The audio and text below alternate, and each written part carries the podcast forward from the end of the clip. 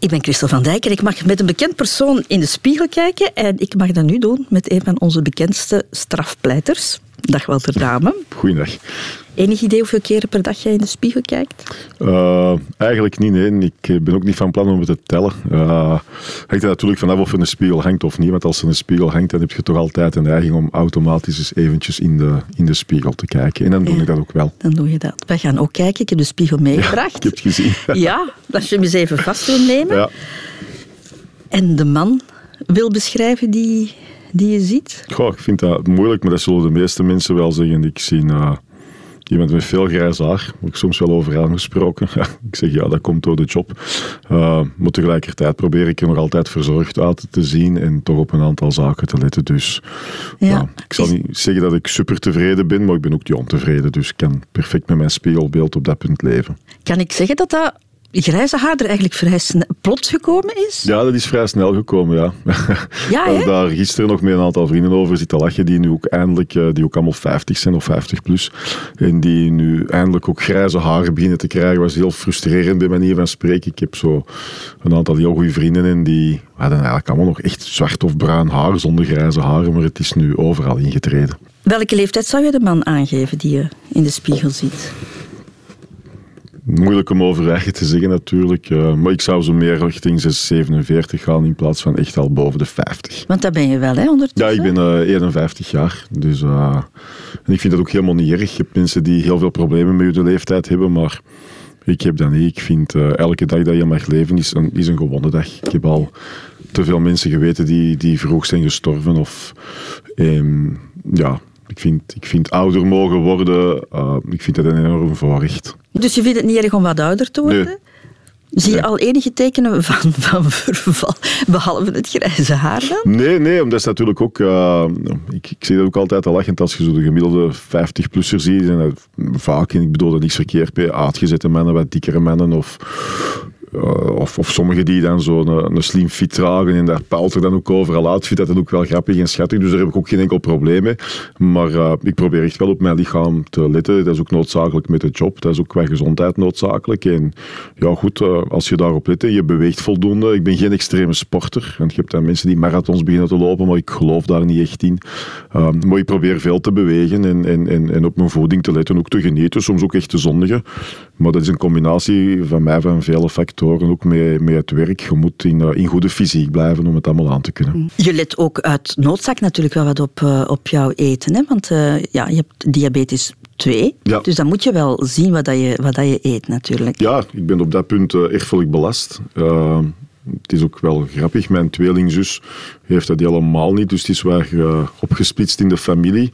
En ja, je let daar dan ook op. Hè. Je hebt daar ook twee keuzes in. Hè. Oftewel zeg je van goed, je hebt dat en je gaat ermee aan, aan, aan de slag. In mijn omstandigheden was dat om er echt op te letten. Je hebt sommige mensen die dat helemaal negeren, maar dat vind ik dan een beetje fout. Dus ik heb daarin beslist om, om op voeding te letten. Maar daardoor krijg je ook de mogelijkheid om uh, bepaalde zaken die je dan al eens een keer eet om daar echt nog van te genieten, die, die, die zonde dan, en toch nog eens een dan blanche, een stukje chocola, en dan, dan geniet je daar veel meer van dan dat je dat vroeger eigenlijk allemaal een beetje, hoe op zijn Antwerpse zeggen, binnensloeg en, en eigenlijk daar geen genot niet meer van had. En, en dat probeer ik wel om op die manier dan ook wel veel meer veel meer plezier uit, uit de voeding te halen en ook veel bewuster met voeding om te gaan. Vond je het moeilijk, uh, die diagnose te accepteren? Ja, ik vond dat moeilijk, omdat uh, ja, je, denkt altijd van jezelf dat je onverslijtbaar bent, onverwoestbaar. Uh, je probeert altijd, je hebt altijd wel wat gezond gegeten of geleefd of geprobeerd. In mijn jeugd misschien een pak minder, maar ja, ik vond dat toch heel confronterend om dan zo medicatie te moeten nemen, elke dag. Uh, plotseling ja, mensen bezien dat een stukje als een soort zwakheid. Ik had of voor zichzelf. Ik heb dat ooit eens een keer gehad met, met iemand, een magistraat, die is inmiddels lang op pensioen, die een hartinfarct had gehad. En hij zei tegen mij, ja Walter, eigenlijk het moeilijkste was plotseling te kunnen accepteren dat je lichaam kan falen en in één keer niet meer functioneert. En dat je dat ook niet ziet, dat je dat niet weet en dat je eigenlijk echt wel ja, sterfelijk zijn. We, we weten dat we allemaal sterfelijk zijn, uiteraard. Maar plots is dat die confrontatie. En bij mij was dat van die gezondheid. Van, oh.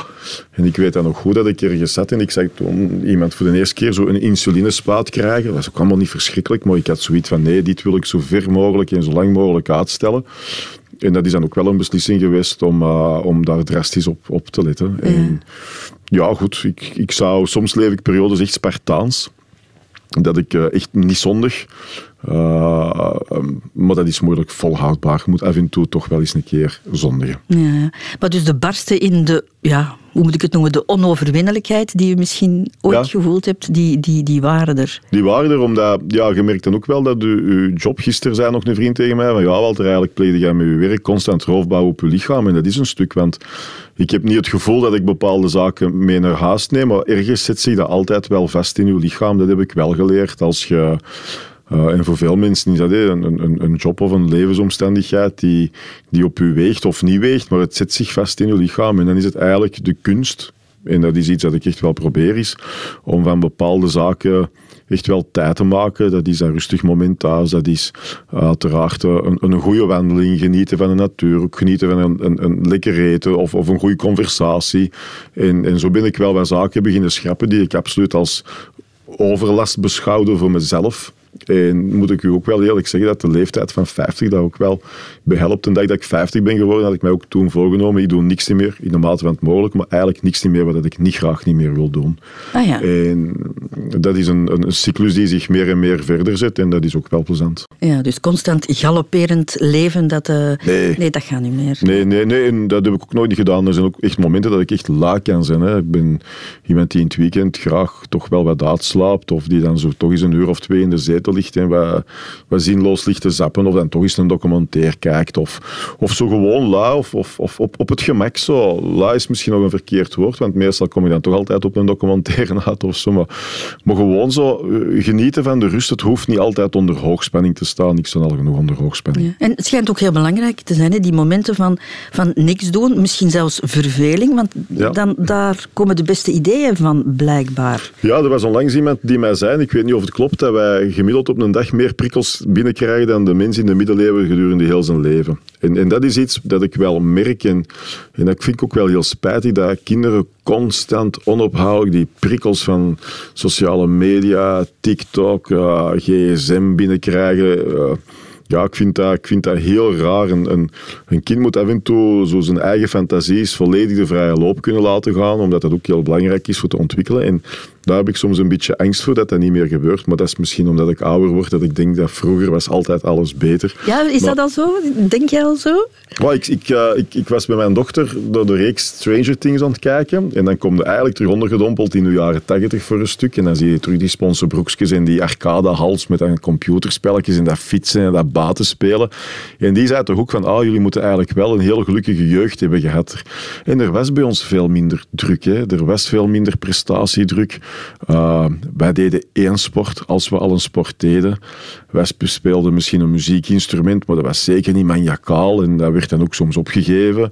En ik heb soms het gevoel dat er uh, op onze huidige generatie kinderen heel veel druk wordt gelegd. Maatschappelijk prestatiedruk, er goed moeten uitzien kledijdruk, alles erop en eraan. En bij ons was dat eigenlijk heel eenvoudig. Wij droegen ook nog zo de kledij van de broers en de zussen. Soms was dat afgesleten, maar dat was allemaal niet erg. En nu...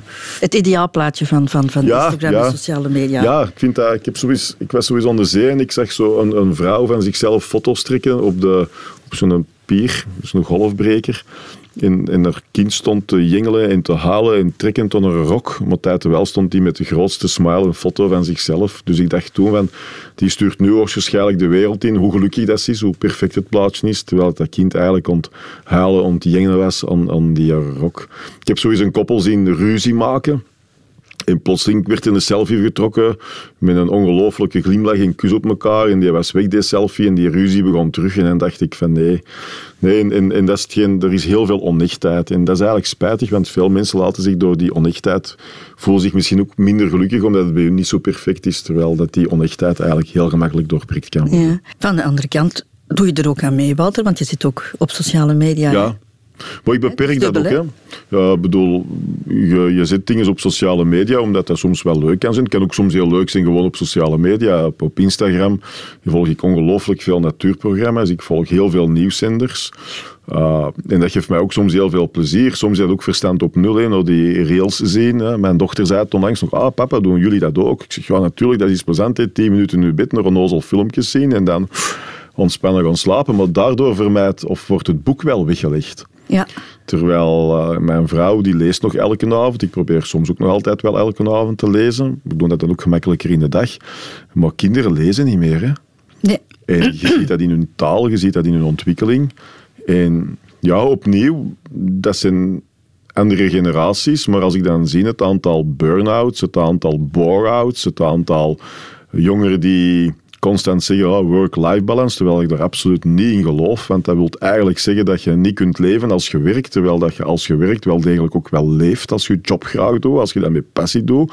En dat verdwijnt precies. Ik kom uit een generatie dat Alleen de term workaholic, ik lees het nergens niet meer. Dat was zo een woord dat bij ons in onze generatie constant viel. Oh, pas op dat je geen workaholic bent. Nu is het, uh, oh nee, je moet voorzichtig zijn met dit en je work-life balance. Nee, je job kan ook een genot zijn. Je job is echt ook wel soms leven, maar dan moet je ook wel zien dat je je job graag doet. En misschien mhm. dat die inspanning toch nog misschien wat minder wordt geleverd dan vroeger. Ben jij een ijdelman, Walter? Uh, ik ben een vierman. Ik ben, ik ben niet ijdel. Ik geloof ook heel erg dat je jezelf moet verzorgen, zowel voor jezelf, maar misschien nog het belangrijkste ook voor je omgeving. Want je ziet er natuurlijk altijd uit om door een ringetje te halen. Hè. Perfect gekleed, jouw haar ligt altijd hè, met, met, met, ja, met Wachel in, in balans. Jij, ik bedoel, jij ziet er proper netjes uit. En je zou denken van ja, Walter Dame is wel iemand die voor de spiegel staat en, en kijkt van hoe zie ik eruit. Oh ja, dat doe ik ook elke dag voordat ik vertrek. Nu maakt u ook geen illusies, Christel. Uh, als mijn haar zonder gel is, is het echt niet om aan te doen. ik zeg dat altijd tegen de mensen, je moet dat eens zien zonder gel. Dan zeggen van Walter, please, doe er wat gel in. Uh, maar nee, maar ik vind dat ook, ook nodig, ook vanuit, uw, vanuit uw job. Uh, je ziet zo'n enorme tendens om, om, en ik doe het ook al soms eens in jeans, maar dan toch nog altijd met een blazer gaan werken. Basketters probeer ik absoluut te vermijden. Maar veel ja, vroeger hadden we nog zo... Uw advocaat dat was een trotse vierde man. Als je bij een dokter binnenkwam, die had een witte jas aan. Dat waren misschien symbolen die er nu niet meer toe doen, maar het gaf nog de mensen toen nog altijd wel het gevoel van... want je ligt wel ergens een stukje je lot in, in, in de handen als ik ergens uh, binnenstap, ook bij de kruidenier, en hij heeft nog die schone kruideniersjas aan, dat geeft mij zo iemand van, die man die doet dat met passie, dat is een kruidenier. En, en die of is nu, op zijn job. Ja, of je nu advocaat, kruidenier, dokter, arbeider zijn, maar als je dat met vierheid doet, dan, dan denk ik altijd, alleen als ik dan soms de, de loodgieter of de elektricien zie binnenkomen, dan met al hun materialen, dan dan zo allemaal netjes en gesorteerd, dan zie je er een fierheid van. En ja, ik vind dat heel belangrijk. Ja, je hebt ook heel veel mensen die, en advocatuur heeft dat ook wel, die heel veel klagen over hun job. Ik probeer dat eigenlijk nooit niet te doen. Ik ben wel echt wel blij dat ik advocaat ben. Ik ben er ook wel fier op en ik probeer er echt mijn best in te doen. Maar dat betekent dan ook dat je je u daar toch ook maatschappelijk een stukje aan aanpast, want wij zijn niet meer waard dan anderen. Maar ik vind wel dat we op een of andere manier toch nog een, een, een zeker ja, zonder verkeerd te bedoelen, een gezag of een autoriteit moeten kunnen hebben. En dat start ook vaak mee op de wijze dat je je kleedt, je eigen verzorgt. Uh, en dat de mensen zoiets hebben van, ja, ik zit hier voor een ernstig iemand. En dat hangt mhm. vaak met elkaar samen. Uh, ik heb ooit zoiets een keer, ik kan de naam niet noemen, dat was een advocaat stagiair bij mij, die ik wat mee moest opleiden. En ik zeg, jongen, zit jij nu gekleed? Jongen, zegt hem, ik wil het imago krijgen van een tweedehands autoverkoper. Ik zeg, jongen, dan moet jij tweedehands autoverkoper worden en geen advocaat. Bedoel, en er is niks mis met een tweedehands autoverkoper. Integendeel, maar als jij vindt dat je daardoor de uitstraling van moet hebben, ja, stop dan met de advocatuur. Hè. Ja. Um, denk je dat mensen denken dat je ijdel bent? Ongetwijfeld. En, en, mensen denken ook dat ik arrogant ben. En, en, en je krijgt als advocaat heel snel, een, uh, zeker als je dan nog in de ogen van de mensen een strafpleiter, dat zijn de foute zaken, heel snel een etiket of een label op. En vandaar dat ik ook nooit niks mee in zit om praatprogramma's mee te doen of zo, om dat proberen te verduidelijken. Maar ja, maar allee, dat is ook iets dat een vijftiger absoluut niet mag doen. En eigenlijk een veertiger, een dertiger, en een twintiger en een tiener zelfs niet. Je moet u nooit iets aantrekken wat de mensen van u denken. Want als je daarmee begint, dan, mhm. dan, dan, dan verlies je een stuk van je eigenheid en je eigen ontplooiing. Dus nee, ik zeg dat altijd heel eenvoudig en dat is werkelijk zo. Het interesseert me niet wat de mensen denken. Nee, want mensen kunnen denken van ja, hij zoekt regelmatig een podium op. Hè. Niet alleen het podium van de rechtbank, maar je zit in televisieprogramma's. In, ja.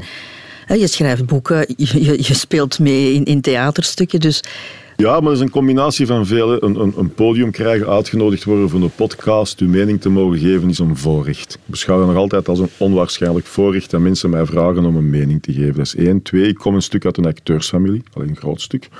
Ja, Hubert. Uh, ja, Hubert, Katlijn, uh, Karen. Uh, vroeger mijn neef Merk, uh, onkel Stef, heel veel mensen die, die daarmee bezig zijn geweest, mijn grootouders. En dat podium is niet een podium om jezelf interessant te maken, want dat denken mensen heel vaak. Maar dat podium is eigenlijk ook soms om te kunnen uitleven. Ik heb daar eens met Dominique Persoon over gehad. Je zei, ja, mensen zeggen altijd, moet gaan in elk tv-programma meedoen. Maar hij zegt, maar ik vind dat gewoon leuk.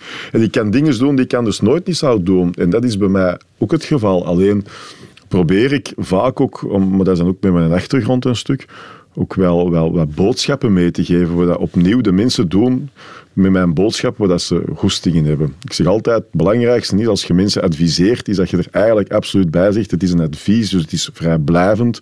Het is, het is los wat je ermee doet. Het is gewoon een, een, een raad die niet opgevolgd moet worden. Dus ik hou er ook niet van als mensen meningen beginnen op te dringen. En dat is misschien ook de, de grote tegenstelling. Als ik soms reacties zie op processen, dan denk ik, ja, maar uw nuance is weg. Waarom, waarom roept je zo hard terwijl je het proces niet hebt gevolgd, waarom, waarom zit je niet genuanceerder in je denkwereld? En dat is iets waar ik mij wel kan aan storen, maar dat is dan meer storend van waarom eigenlijk doen mensen altijd zo on, ongenuanceerd? Waarom moet het altijd zo bot? Mhm. Ja, en, en dan komt het terug bij het aspect dat ik dan hoop als ik het als ik gevraagd word, dat ik dat toch zo af en toe eens een keer mag toelichten, maar dan zal ik... Ja, elke mens reageert er anders op. Ja. Als je jezelf niet zou kennen, uh, Walter, en je zou jezelf tegenkomen op straat, wat zou je dan denken dat die man die je ziet uitstraalt, op het eerste gezicht? Dat is een hele moeilijke. Ik, uh, ik denk dan altijd dat ik zou denken, dat is een vriendelijk man. Misschien wel wat stuurs. Is dat? Je begint je wel soms af te schermen. En dat is natuurlijk ook niet altijd heel goed. Uh, gisteren, ik, stond aan een, uh, een rood licht en blijkbaar wou de autochauffeur naast mij absoluut iets duidelijk maken. Je weet dat niet. Is dat een vriendelijke boodschap? Is dat een kwade boodschap? Is dat een boodschap van dat je herkent ze? En dan heb ik gewoon gedaan alsof ik niemand niet hoorde in mijn muziek wat daar erin zit. Ik weet niet of dat het juist was, maar het leek me ook niet het al de meest vriendelijke contact dat men zocht. Ah ja. en ja, ik, je weet dat niet, maar ik probeer altijd tegen iedereen even vriendelijk te zijn. Maar soms ben ik ook echt moe en soms ben ik ook heel geconcentreerd. En mensen, als ik zo'n justitiepaleis binnenwandel, dan voelen die concentratiegrens al enorm stijgen, omdat je x aantal zaken moet doen die ochtend. En dan zouden mensen wel eens kunnen zeggen, oh, die loopt daar wat nors rond, maar dat is eigenlijk niet de bedoeling. Ja, maar ik kan me voorstellen dat je ook soms contact vermijdt na belangrijke processen bijvoorbeeld, die heel veel emotie hebben uh, opgebracht, zoals nu het proces met Sanadia bijvoorbeeld. Ja, je wordt er constant op aangesproken ja. natuurlijk. Maar als mensen u erop aanspreken, is soms ook het goede punt dat je met iemand in dialoog kan gaan. En als de dialoog dan lukt, ik leer daar ook heel veel van bij. Uh, ik vind dat heel interessant om te zien hoe dat mensen reageren op, op, een proces waar dat de kwaadheid zit. Is dat een gefundeerde kwaadheid? Is dat dwaze kwaadheid? Is dat kwaadheid door desinformatie? En daar gaat je als advocaat ook wel mee aan de slag. Als het natuurlijk mensen zijn die na twee minuten al zeggen, oh, je doet alles een antwoord en het is hier typisch advocatenpraat, ja goed, dan hoeft de conversatie niet en dan zeg ik dat ook wel. Dan heeft dat mm. ook geen nut. Maar als dat mensen zijn die geïnteresseerd zijn of een uitleg willen of tegenargumenten geven die zinvol zijn, dan is dat wel plezant. Ja. Niet een honderdste op een avond, maar tot 99 hou ik het wel altijd goed vol. Ja. Denk je dat je zelfvertrouwen uitstraalt? Uh, blijkbaar wel, want dat zeggen mensen toch heel vaak, dat ik, uh, dat ik blaak van het zelfvertrouwen. Maar ik bekijk dat anders. Ik vind dat eigenlijk elke mens zelfvertrouwen moet, moet hebben. Maar dat hangt er ook vanaf hoe dat je er naar leeft. Als, je, ja, als ik met u hier in de studio zit, en heb je ook heel veel zelfvertrouwen. Je bent voorbereid, je hebt vragen, je hebt research gedaan. Dat is zelfvertrouwen. Ja, en zelfvertrouwen betekent ook dat je soms erkent dat je iets niet kunt.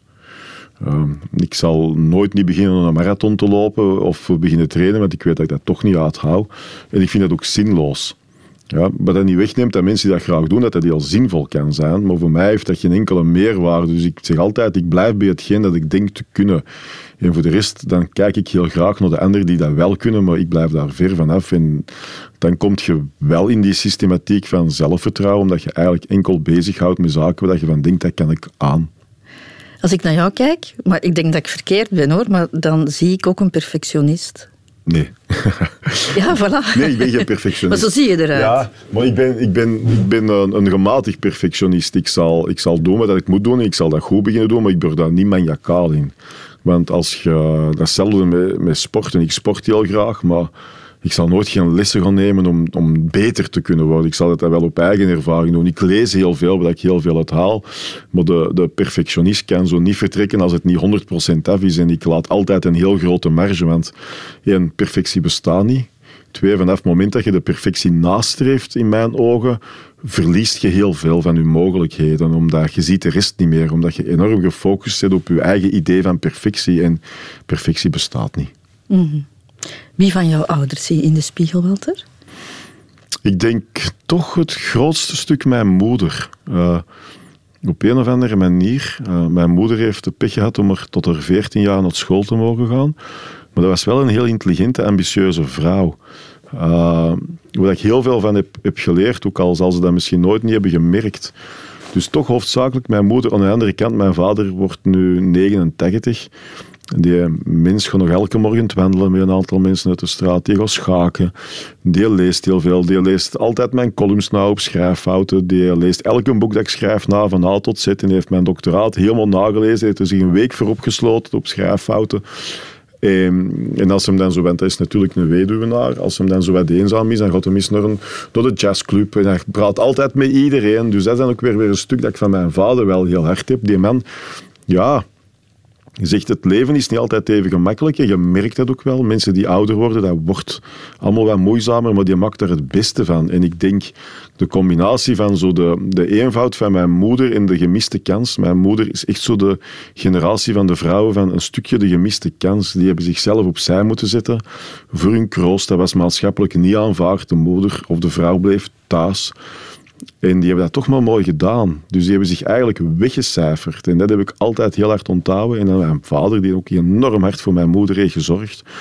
Uh, die is aan zichzelf nu elke dag wat aan het geraad vinden om die een dagelijkse sleur te doorbreken. Dus misschien mm. is het wel een combinatie van de twee. Ja. Helemaal in het begin van, van onze babbel heb je gezegd van ja, als ik in de spiegel kijk, het, het is oké. mm. Ben je tevreden dus met, met hoe je eruit ziet? Ja. ja. Er zijn altijd verbeteringen. Wat? stel, stel dat je één ding mocht veranderen. Wat zou je dan veranderen? Maar ik, ik hou ook opnieuw niet, niet de perfectie. Ik bedoel, mensen zijn daar soms heel erg mee bezig. Ik moet er perfect uitzien, ik moet dit, ik moet dat. Nee. Uh, ik vind ook nog altijd zo ben op dat misschien, punt misschien wel atypisch, maar ik vind zo vrouwen die ouder worden altijd wel soms veel mooier. Zo vrouwen die, die zich blijven verzorgen, die, die toch een stukje dat leven op hun gezicht hebben. Ik vind dat wel heel mooi. En misschien is de perfectie net de imperfectie van als alles perfect loopt, ja, wat moeten we dan nog doen? Dan is, dan is het toch allemaal wat saai. Dus nee, laat er overal maar een schoonheidsfoutje aan zijn. Laat elke mens maar een gebrekje hebben. Dat is ook plezant, dat is ook des mensens. Dus, nee. Je klinkt als een, als een tevreden, misschien zelfs gelukkig man. Ik denk, goh, tevreden en geluk. Op een gegeven moment heb ik wel zoiets gehad, en dat is ook een beslissing die ik, die ik heel vroeg in mijn jeugd heb gemaakt. Ik weet het nog goed, van Eén, ik trek me niks aan wat andere mensen zeggen. Twee, ik volg altijd mijn eigen pad en iemand die mij goed adviseert zal ik altijd opvolgen. Maar drie, ik besef ook wel dat het leven altijd een beetje een strijd is. En ik denk als je dat allemaal herkent, dat je eigenlijk perfect gelukkig kunt zijn. Het, het leven is niet altijd eerlijk. Het leven is niet altijd fijn. Ja, ik, heb het al eens omschreven ergens in een column, zo de kleine gelukjes. Ik wil dat ook niet overdrijven, maar ja, daar kunnen soms heel veel plezier uit halen. ook de grote gelukken. Hè. Uh, ja, het, het, leven is een combinatie van heel veel aspecten en probeer daarvan te genieten. Als je zorgen wilt maken, hè, Christel, kun je elke dag heel veel zorgen maken. Als je vergelijkt met anderen, hè, dan kun je elke dag je zeer ongelukkig voelen. En het leven is niet perfect. En dat mhm. besef ik maar al te goed. Het leven, hè, en ik zie dat in strafrecht heel goed, kan van seconde op seconde een dramatische wending nemen. En mensen staan daar niet bij stil. Dat is soms een, een, een, een voorval, een beslissing of niet-beslissing of iets dat u overkomt. Op één seconde kan uw leven er helemaal anders uitzien. En houd dat altijd goed in uw achterhoofd en geniet dan ook van hetgeen dat je hebt. Laatste vraag, uh, Walter. Dat is een vraag voor, voor, voor iedereen. Um, en daarvoor ja, moet je toch weer even in de spiegel kijken. Niet letterlijk, maar goed. Uh, nee. uh, doe, ja. Wat vind je het mooiste aan jezelf? En dat bedoel ik echt letterlijk, ja, letterlijk je uiterlijk. En je mag ja, van, van, van kop tot teen. Ah, goh. Ik denk de, de gestalte en als je mij nu zou vragen, dan is het het postuur. Punt. Ik ben ben niet, niet, niet slank, ik ben ook niet, niet breed breed. Ik ben, ik, ik, ben eigenlijk gelukkig met mijn postuur en ik probeer dat ook te verzorgen. Ik ben ook trouwens blij dat ik al mijn haar nog heb. Ik zeg altijd al lachend, ik heb geen enkel probleem met grijs haar, zolang dat ik het nog maar heb. Want dat zou ik wel eerlijk gezegd een beetje spijtig vinden. Ja. En is het nog even dik als vroeger? Mijn kapper zegt, of mijn kapster zegt dat toch van, uh, dat ik nog altijd... Ze moeten nog altijd met die, dat heet de kasteelschaar, uh, het, het, haar nog altijd uitdunnen, omdat het anders te dik staat. En dat is ook de reden dat ik Shell draag, want anders zou het naar alle kanten. Ja, het is ook wel ongelooflijk hoe dat je glundert als je dit vertelt. Hoe blij dat je daarmee bent, Walter. dank u wel. Dat is gewoon een afstand dat er geen camera's zijn.